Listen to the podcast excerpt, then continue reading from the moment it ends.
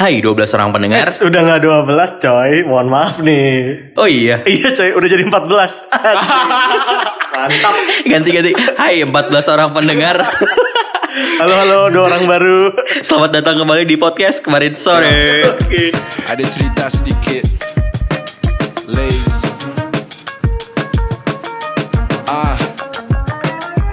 Jelas tak butuh amplas bila mau main kasar. Aku masuk supermarket bila tak diterima pasar. Bakat kena obral masuk jadi barang bazar. Bila tak kunjung terkenal beralih jadi buzzer. Liris di album ramai orang bisik-bisik. Wajah kurang rupawan tapi masih jual fisik. Bukan data sarung pahit tak butuh operasi plastik. Lagi pula angka penjualan masih cantik. Senantiasa hijau bukan ramah lingkungan. Lingkunganku tak ramah semua orang perhitungan Buat apa arogan? Kaya tujuh turunan di turunan ke delapan Hidup hanya kemunduran Lelah pergi pesta dengan orang tak dikenal Jumpa lagi wanita Dandanan ala kendal Dan anak sekolah yang sibuk berkelahi Hanya untuk cari nama seperti baru punya bayi. Selatan Jakarta apa kabar? Indonesia kabar Oke, ini episode mono yang kedua ya. Masih sama Bang Andi, bapaknya orang-orang Riau. Jadi eh, ada sesuatu yang menarik sebenarnya terjadi belakangan di Riau.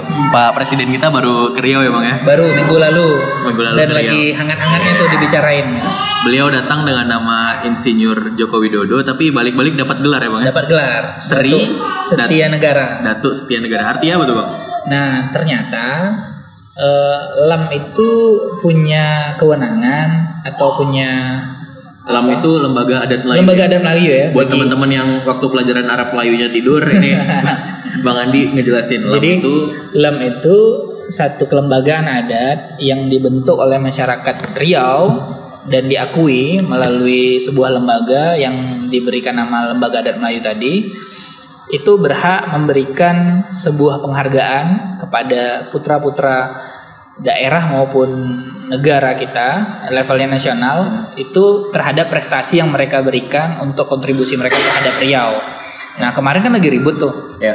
terkait uh, Bang, Jokowi itu dikit. ternyata Eh, arti Datuk Seri Setia Negara itu nah Datuk Seri Setia Negara itu adalah penghargaan yang diberikan oleh LAM kepada putra negara Republik Indonesia yang berjasa untuk masyarakat Riau terhadap eh dari kebijakan-kebijakan nasional. Kalau di Inggris tuh kan bisa diangkat sebagai Sir, bisa diangkat sebagai ini. Nah, si Datuk Seri Setia Negara ini gelar yang kayak gitu yang bisa diberikan kepada dua orang misalnya atau itu gelar khusus dirancang buat Pak Jokowi. Sebelumnya Pak SBY juga dapat. Oh, Pak SBY juga dapat gelar yang Pak- sama. Pak SBY pernah dapat. Lalu gelar ini akan habis masanya ketika habis masa jabatan. Oh. Nah, itu yang harus dipahami. Masa jabatan. Berarti Pak SBY sekarang statusnya udah enggak Udah tidak. Cuma yang menjadi masalah adalah yang ribut yang orang lakukan. Kenapa pemberiannya itu pada masa kampanye? Ah, Kan sangat politis. Iya, sangat politis. Sangat politis. Sehingga salah satu putra Riau mendapatkan gelar yaitu Let Purnawirawan Sarwan Hamid yang dulunya adalah mantan menteri dalam negeri yang pernah mendapatkan gelar itu dan mengembalikan gelar itu kepada LAM karena insiden karena ini. insiden ini. Karena beliau merasa bahwa Pak Jokowi belum punya kontribusi yang besar bagi masyarakat Riau. Tapi rasionalitas LAM itu pada dua hal. Yang pertama, di era Jokowi kemudian Jokowi mampu menyelesaikan masalah asap di 2015 sampai hari ini signifikasi asap udah nggak lagi. Itu yang pertama. Yang kedua, itu soal pengembalian blok rokan atau akses eh, akses pengelolaan migas yang ada di Riau itu diserahkan lagi langsung kepada putra daerah Riau. Janji Jokowi begitu. Sehingga Lam merasa kontribusi Jokowi terhadap Riau itu ada. Maka akhirnya Lam memberikan gelar itu kepada Presiden Joko Widodo. Pertanyaannya kan sekarang menjadi ribut karena banyak kepentingan yang kemudian masuk membicarakan gelar tadi. Apakah Jokowi layak atau tidak? Tentu kita punya kacamata masing-masing menilai itu. gitu. Eh, btw LAM ini tuh pengurusnya diangkat dan diakui oleh gubernur bang. Eh, LAM itu lembaga tersendiri yang kepengurusannya itu dipilih melalui musyawarah dari LAM eh, dari apa namanya? Kalau dibilang nenek mama tahu kan nenek mama Iya. ibaratnya orang-orang kepala-kepala kelembagaan keadat-adatan Melayu itu kemudian berkumpul membahas kepengurusan dulunya kan salah satunya Pak Tenes Effendi almarhum yang cukup masyur bicarain soal Gurindam 12 yang Iya. yang Uh, itu sangat-sangat Iya, iya. karyanya bahkan abang pernah pernah liburan ke Jogja waktu itu nongkrong di sekitaran Prambanan. Bahkan ada budayawan yang di Jawa kenal seorang Tenes Effendi dan itu menarik aku terkejut wah anda orang Jogja gitu di Prambanan budayawan di sana tapi kenal seorang Tenes Effendi karena memang eh, kemasyuran dari Riau itu memang identitas kemelayuan yang kuat Melayuan. yang kedua so- soal identitas keagamaan karena Melayu itu identik dengan Islam.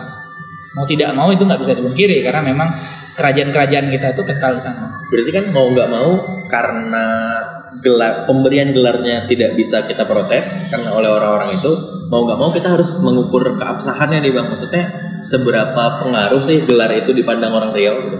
Maksudnya ini kan Hmm. Berarti itu ada kemungkinan turunan kan bang orang-orang pengisi lam ini. Karena kan dari nenek mama turunan turunan yang Nah. dulu ngurusin ya kan. Ya benar. Artinya itu sekelompok orang yang bisa aja, bisa aja Hmm. bisa aja ya emang misalnya memilih identitas eh maksudnya memilih kubunya ke sana sehingga bisa mereka bisa memberikan dukungan dalam bentuk pemberian gelar itu. Oke. Nah, masalahnya adalah seberapa signifikansi pemberian gelar ini dipandang oleh orang Riau.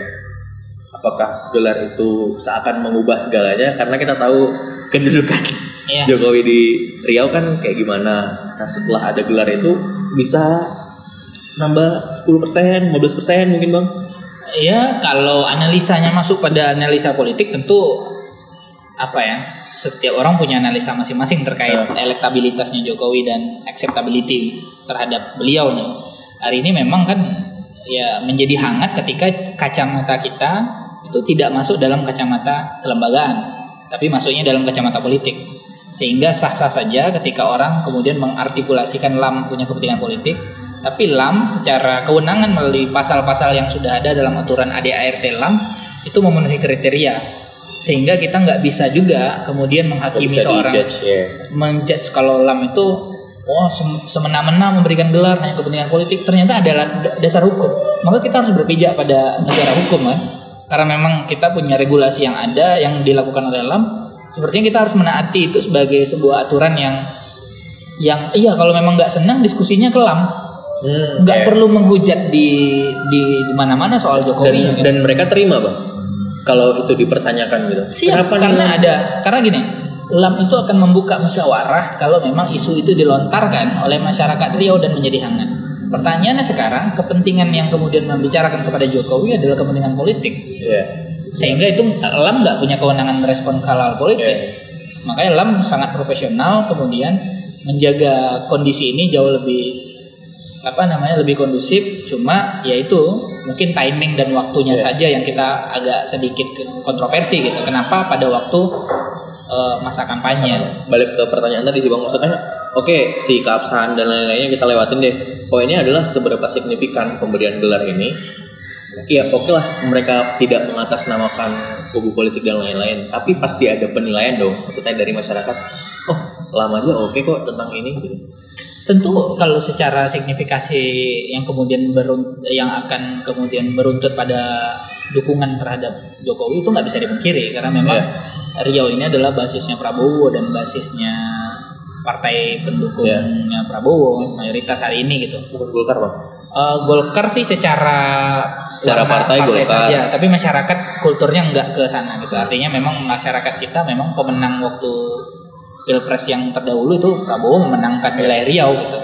Nah artinya bisa saja ini jadi sebuah agenda yang diuntungkan bagi seorang Jokowi karena memang melihat basis-basis eh, Prabowo itu disasar Jokowi sebagai basis yang kemudian punya daya tarik elektabilitas di sana gitu. Artinya kan secara tidak langsung eh, gelar tadi membuktikan Jokowi punya kontribusi secara bahasa formalnya begitu. Sebenarnya aku tertarik ke ini sih bang, karena tidak jauh sebelum itu ada pernyataan pendukungan kan dari hampir seluruh stakeholder kepemerintahan Riau. Bupati, Iya, benar. bahkan gubernur terpilih menyatakan dukungan itu. Nah, proses apa sih bang yang dilalui sehingga bisa ganti basis? Apakah hanya karena didukung oleh orang yang sama saat naik jadi bupati atau gubernur terpilih atau memang sampai serentak bang soalnya hampir semuanya itu yang dilakuin apa? Eh, begini, kalau yang soal dukungan kepala daerah itu dukungannya tidak bersifat eh, apa namanya tidak bersifat Jabatan. jabatan, tapi hanya bersifat pribadi. Cuma memang mau tidak mau itu akan di apa ya dimaknai Di sebagai dukungan sebagai dukungan. dukungan kepala daerah. Nah tentu kepala daerah punya rasionalitas sendiri dalam menentukan sikap mereka dalam sikap politik Ya. dan kita menghargai itu sebagai perbedaan dalam demokrasi. Cuma kalau boleh nih mengamati dan mengomentari. Boleh bang boleh. Nah, bolehnya karena begini. Anggaran dalam transisi pemilu itu membuat apa ya? Membuat pembangunan sektor daerah membutuhkan alokasi keuangan yang kuat. Sehingga transisi kepemiluan itu tidak mengganggu dari eh, program yang mereka laksanakan di daerah. Nah, hari ini memang ketika mereka tidak memberikan dukungan itu, maka bisa saja penganggaran terhadap pemerintah daerah itu jauh bisa dikompres artinya mereka juga berharap dengan dukungan mereka secara politis itu mempengaruhi penganggaran keuangan yang sedang mereka butuhkan di daerah karena memang apa pun itu Fahri Hamzah secara mengejutkan membicarakan dukungan publik terhadap Jokowi yang mayoritas berbondong-bondong selaku kepala daerah itu itu dipengaruhi memang karena kepentingan keuangan mereka anggaran daerah gitu. Karena setelah memang dukungan di akhir-akhir masa kemarin kan akhirnya pencairan dari dana Mendagri muncul. Dan itu sangat ketara wow ternyata itu itu sih. Kalau boleh menilai saya bisa saja saya salah gitu kan